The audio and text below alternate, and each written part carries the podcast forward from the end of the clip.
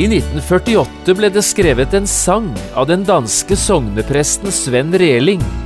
Sangen består av fire små vers og fikk overskriften Guds lektie, eller Guds lekse, ville vi gjerne ha sagt i Norge. Av alle de sangene som Sven Reling skrev, var nok dette den sangen han selv satte aller høyest. I dag vil jeg gjerne fortelle deg litt nettopp om denne sangen.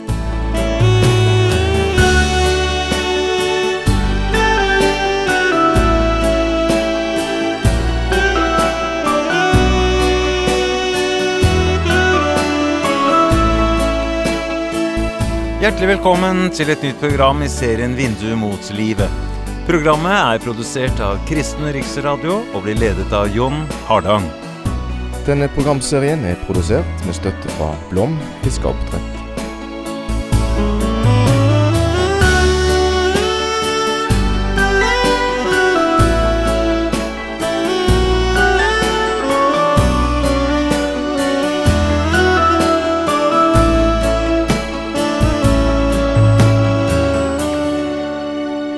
Vi skal også i dag fortsette denne bibelundervisningsserien som vi har kalt I Paulus' fotspor.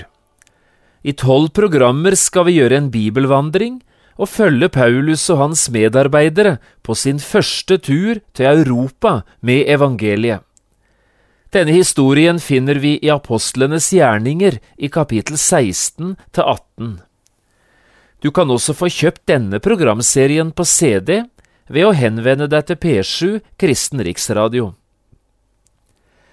I det forrige programmet snakket vi litt om det som skjedde da Paulus første gang kom til storbyen Korint, og det er dette du skal få høre litt mer om også i dag.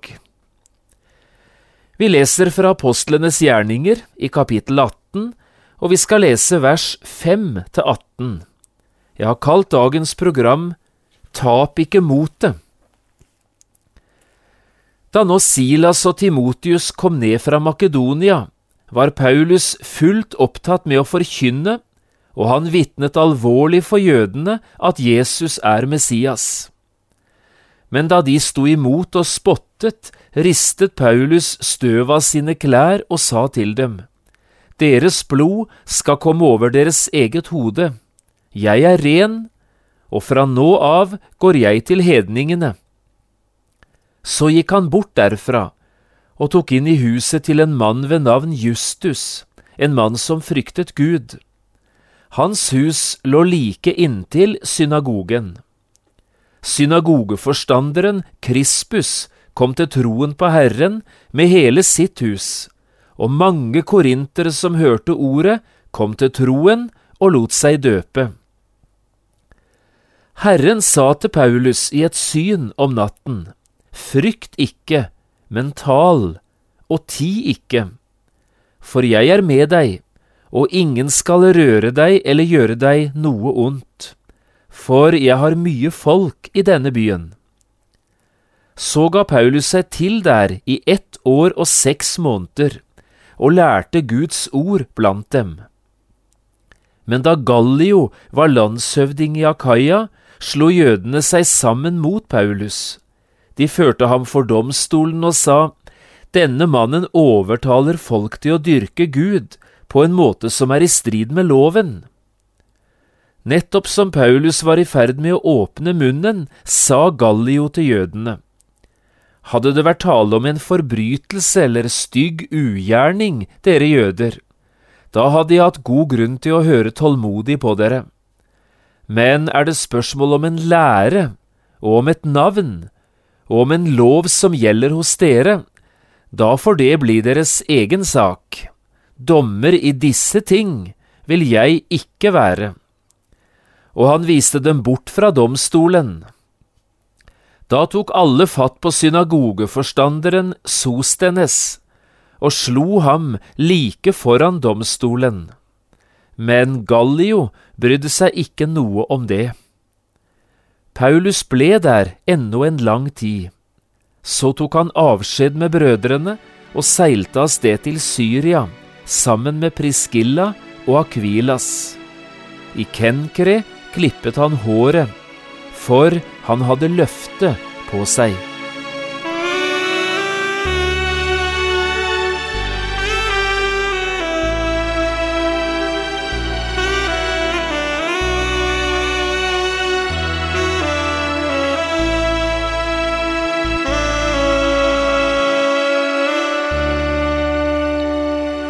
I 1948 ble det skrevet en enkel sang av den danske sognepresten Sven Reling. Sangen består av fire små vers og fikk overskriften Guds lektie, eller Guds lekse, ville vi gjerne ha sagt i Norge. Av alle de sangene som denne kjente og dyktige sangforfatteren Sven Reling har skrevet, var det nok denne enkle sangen som han selv satte aller høyest. Tap ikke motet, du kjære, for så er det dyreste tapt. Gud har en lekse å lære, hvert menneskebarn han har skapt. Slik lyder det første verset i denne sangen, og her møter vi altså både overskriften og det som er sangens hovedtema. Gud har en lekse å lære, hvert menneskebarn han har skapt. Sven Reling var bare 13 år gammel da noen kamerater fikk lokket han med på et møte i regi av det danske KFUM. Han var sønn av en dansk lege og født og oppvokst i København. Men dette møtet skulle forandre 13-åringens liv totalt. Eller kanskje rettere sagt, dette møtet skulle få avgjørende betydning for hele Sven Relings liv ikke bare hans yrkesvalg, men faktisk hele hans livsreise. Presten som talte på dette ungdomsmøtet, talte om Peter, og han gjorde det så fengende og inspirerende at 13-åringen ble aldeles bergtatt av det han hørte. Dette møtet gjorde at Sven Reling straks fant sin naturlige plass i KFUM, og førte i tillegg til at han valgte å bli prest i den danske folkekirken. Her skulle han siden sette dype spor etter seg, selv om han ikke ble eldre enn 64 år gammel. Presten Sven Reling ga ut flere diktsamlinger, men diktsamlingen der denne sangen finnes, Tap ikke motet, du kjære, det diktet er å finne i hans siste diktsamling og den ble først gitt ut etter hans død. Det diktet vi snakker om i dag, er ganske personlig i formen. Det hører vi ganske raskt i det første verset. Tap ikke motet, du kjære. Og grunnen til denne personlige formen er nok historien som ligger bak sangteksten. Og nå vil jeg sitere litt fra P. Polsens bok Åndelige sange gjennom hundre år, en dansk bok som kom ut på Loses forlag i 1961. Det skjedde en dag i 1948, da han var ute på husbesøk i sognet, at han kom inn i tre forskjellige hjem, og møtte tre forskjellige mennesker som alle var dypt ulykkelige på grunn av personlige vanskeligheter som de ikke selv kunne komme seg gjennom. Alle tre hadde de tapt motet, og var ikke til å trøste og vanskelig å få hjelpe. Presten gikk forknytt hjem denne dagen, men kunne ikke få deres tunge skjebne ut av sitt sinn. Han var meget klar over at hans samtale ikke hadde hjulpet dem rett meget, men nå satte han seg ned og skrev disse fire versene, og så sendte han en avskrift til hver av disse tre. Siden skulle han få bevisene for at disse versene virkelig både hadde hjulpet og trøstet. Slik forteller forfatteren P. Polsen det i denne boken. Og nå skal du få høre hele dette diktet, eller sangen om du vil. Tap ikke motet, du kjære, for så er det dyreste tapt. Gud har en lekse å lære hvert menneskebarn han har skapt. Bakom de tyngende gåter og skjebnens forvirrede lek er det en vilje som råder, en visdom som alltid vet vei. Vi skal kun bie og bede, og bede og bie på ny. Når solen er aller lengst nede, da bærer det mot morgengry. Det kors som har tynget din nakke, kan blive din rikeste sang. Og da kan det skje du vil takke for det som du gråt for en gang.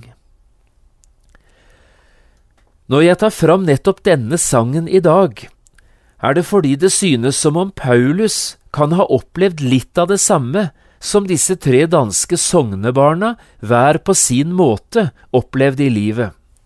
Ting gikk imot, og nå var de i ferd med å miste motet. Her i apostelgjerningene 18, i vers 9–10, leste vi det slik.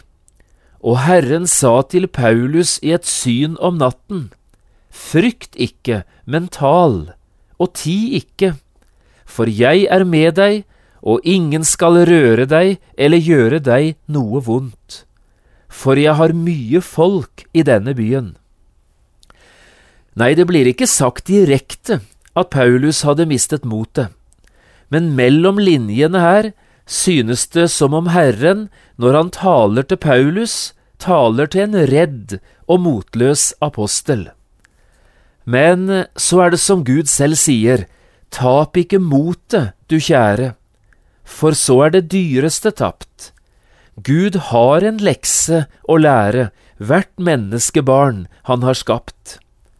Eller som vi hørte det siste verset, det kors som har tynget din nakke, kan blive din rikeste sang. Og da kan det skje du vil takke for det som du gråt for en gang. Her i dette siste verset finner vi en tanke som jeg nå gjerne vil ta fatt i i siste delen av dette programmet. Det er denne tanken. Når alt synes å kunne være slutt, så betyr dette ofte en ny begynnelse. Eller for å bruke Sven Relings ord, når solen er aller lengst nede, da bærer det mot morgengry. Når alt ser ut til å være slutt, det er kanskje akkurat da det virkelig begynner.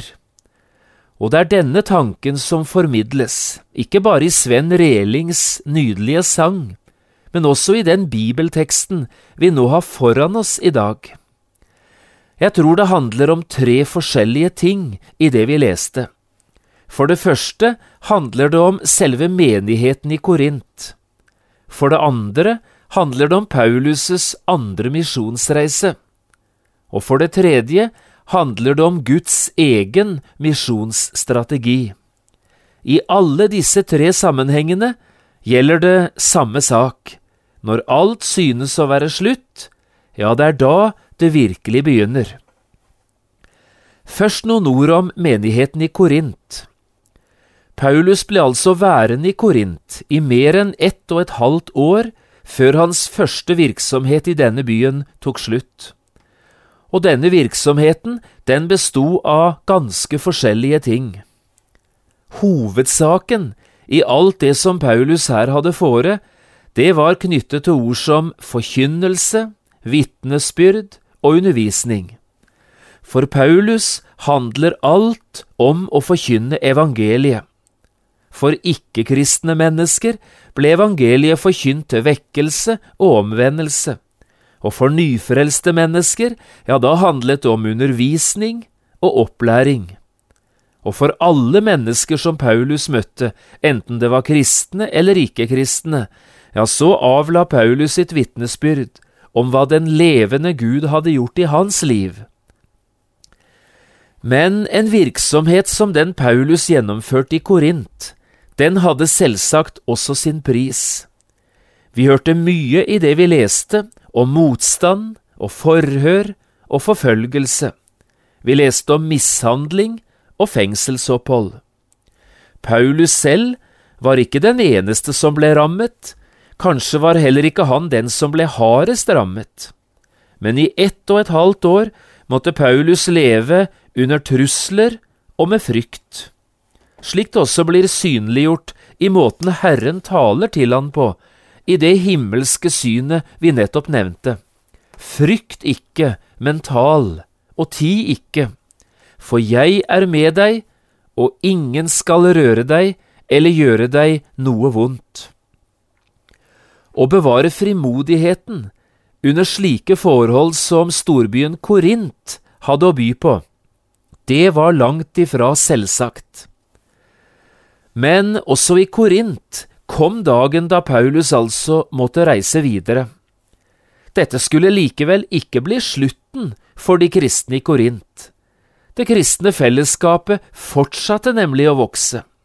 Fremdeles var det nok en del problemer de måtte hanskes med, men veksten fortsatte, og vekkelsens ild spredte seg, også etter at Paulus var reist. Det var altså ikke slutten, de var fremdeles bare i begynnelsen i menigheten i Korint. Så noen ord om den andre misjonsreisen. Dette er jo det andre som synes å nærme seg slutten, når Paulus en dag bestemmer seg for å forlate Korint, for så å dra videre tilbake til Syria, til Efesus og til Tyrkia. Paulus' første tur til Europa tok altså på denne måten slutt. Men selv om Paulus' første besøk i Europa var slutt, så var det ikke slutt for de kristne i Europa, og for evangeliets muligheter her i vår verdensdel. Tvert imot, andre misjonsreise var nok slutt, men evangeliseringen av Europa, den var bare så vidt begynt. Etter at Paulus hadde reist, skulle evangeliet spre seg vestover og nordover i Europa, og det med en hastighet som få kunne ha drømt om var mulig. Italia, Spania, Frankrike, Øst-Europa, Tyskland, og siden England, Norden og Norge. Paulus' første besøk i Europa var bare som den første gnisten, det var noe som ble tent, og siden kom eksplosjonene, i land etter land, og i århundre etter århundre. Kanskje er det først nå i vår generasjon, eller kanskje i forrige generasjon, at vi virkelig i Europa har begynt å legge øde den rike arven vi har fått fra Paulus' dager av. For det er det som skjer i vår tid.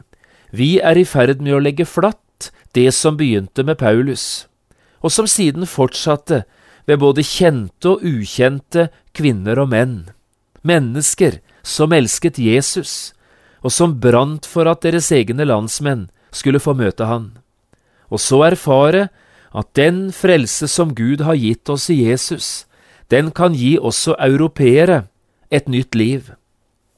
Jo, Paulus' andre misjonsreise, den tok slutt, men evangeliseringen av Europa, den var så vidt i gang.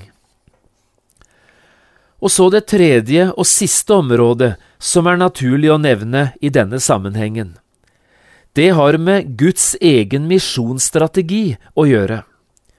Og nå vil jeg gjerne lese en gang til et av de versene som vi møtte her i apostelgjerningene 18. Jeg tenker på vers 6. Hør nå på dette. Men da de sto imot og spottet, ristet Paulus støv av sine klær og sa til dem, Deres blod skal komme over deres eget hode. Jeg er ren, fra nå av går jeg til hedningene. Sammenhengen den er at Paulus forkynner for jødene i Korint. Han vitnet alvorlig for jødene at Jesus er Messias. Slik står det i vers fem. Men dette ville jødene ikke høre på. Tvert imot, de sto Paulus imot, og de begynte å spotte han. Det er da dette dramatiske skjer. Paulus rister støv av sine klær, en symbolhandling som han bruker for å vise at jødenes forkastelse av Jesus nå var endelig, i alle fall i denne omgangen. Fra nå av skal evangeliet forkynnes først og fremst for folkeslagene, eller som Bibelen kaller det, for hedningene. Det var slutt for jødefolket, men dette skulle bli en ny begynnelse for hedningene, dette skulle bli den store muligheten for folkeslagene. At dette er et frelseshistorisk viktig øyeblikk, det kan ingen av oss være i tvil om. Vi møter noe av det samme når Paulus litt tidligere forkynner evangeliet i synagogen i Antiokia, Pisidia. Da leser vi disse ordene i apostelgjerningene 13, 45–46. Men da jødene, står det, så folkemengden, ble de fylt av nidkjærhet og motsa det som ble sagt av Paulus, ja, de sa imot og spottet. Men både Paulus og Barnabas talte rett ut og sa, det var nødvendig at Guds ord ble talt først til dere, men siden dere avviser det og ikke akter dere verdige til det evige liv, så vender vi oss nå til hedningene. Og slik gikk det, kan kirkehistorien fortelle oss. Aldri siden har det kommet skikkelige vekkelsestider over Israel. Men i hedningeverdenen har evangeliet spredt seg, fra hjerte til hjerte, fra land til land, fra verdensdel til verdensdel. Akkurat slik Paulus sa det også i Korint. Da det tok slutt blant jødene, begynte det virkelig å brenne i hedningeverdenen. Og slik er situasjonen fremdeles, både i jødefolket, der de fleste står evangeliet imot den dag i dag, men også i hedningeverdenen, iallfall så lenge Gud ikke flytter lysestaken. Det er fremdeles en mengde mennesker som gir seg over til Gud og blir frelst. Paulus' besøk i Korint, det tok slutt, men for menigheten i Korint var det bare begynnelsen. Paulus' andre misjonsreise nærmet seg slutten, men for Europa var det bare så vidt blitt soloppgang. Og så endelig, det tok nok slutt for jødene, men det var slik det begynte for hedningene. Og det var slik det skulle begynne, også for deg og meg. Det var slik du og jeg skulle få muligheten til å bli frelst. Dette synes jeg virkelig vi skulle prøve å takke Gud for akkurat i dag. Tenk at evangeliet skulle bli forkynt, også for slike som deg og meg. Tenk at også vi skulle få muligheten til å bli frelst.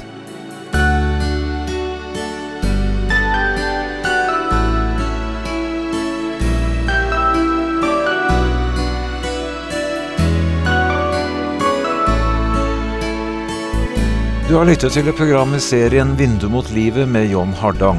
Programmene i denne serien kan også kjøpes på CD fra Kristen Riksradio, eller høres på internett på p7.no. Har du spørsmål eller kommentarer til det du nå har hørt, kan du ta kontakt med oss. Adressen er Kristen Riksradio, Skiene 2, 5353 Straume. Eller send en e-post vml alfakrøll p7.no. Takk for i dag, og på gjenhør.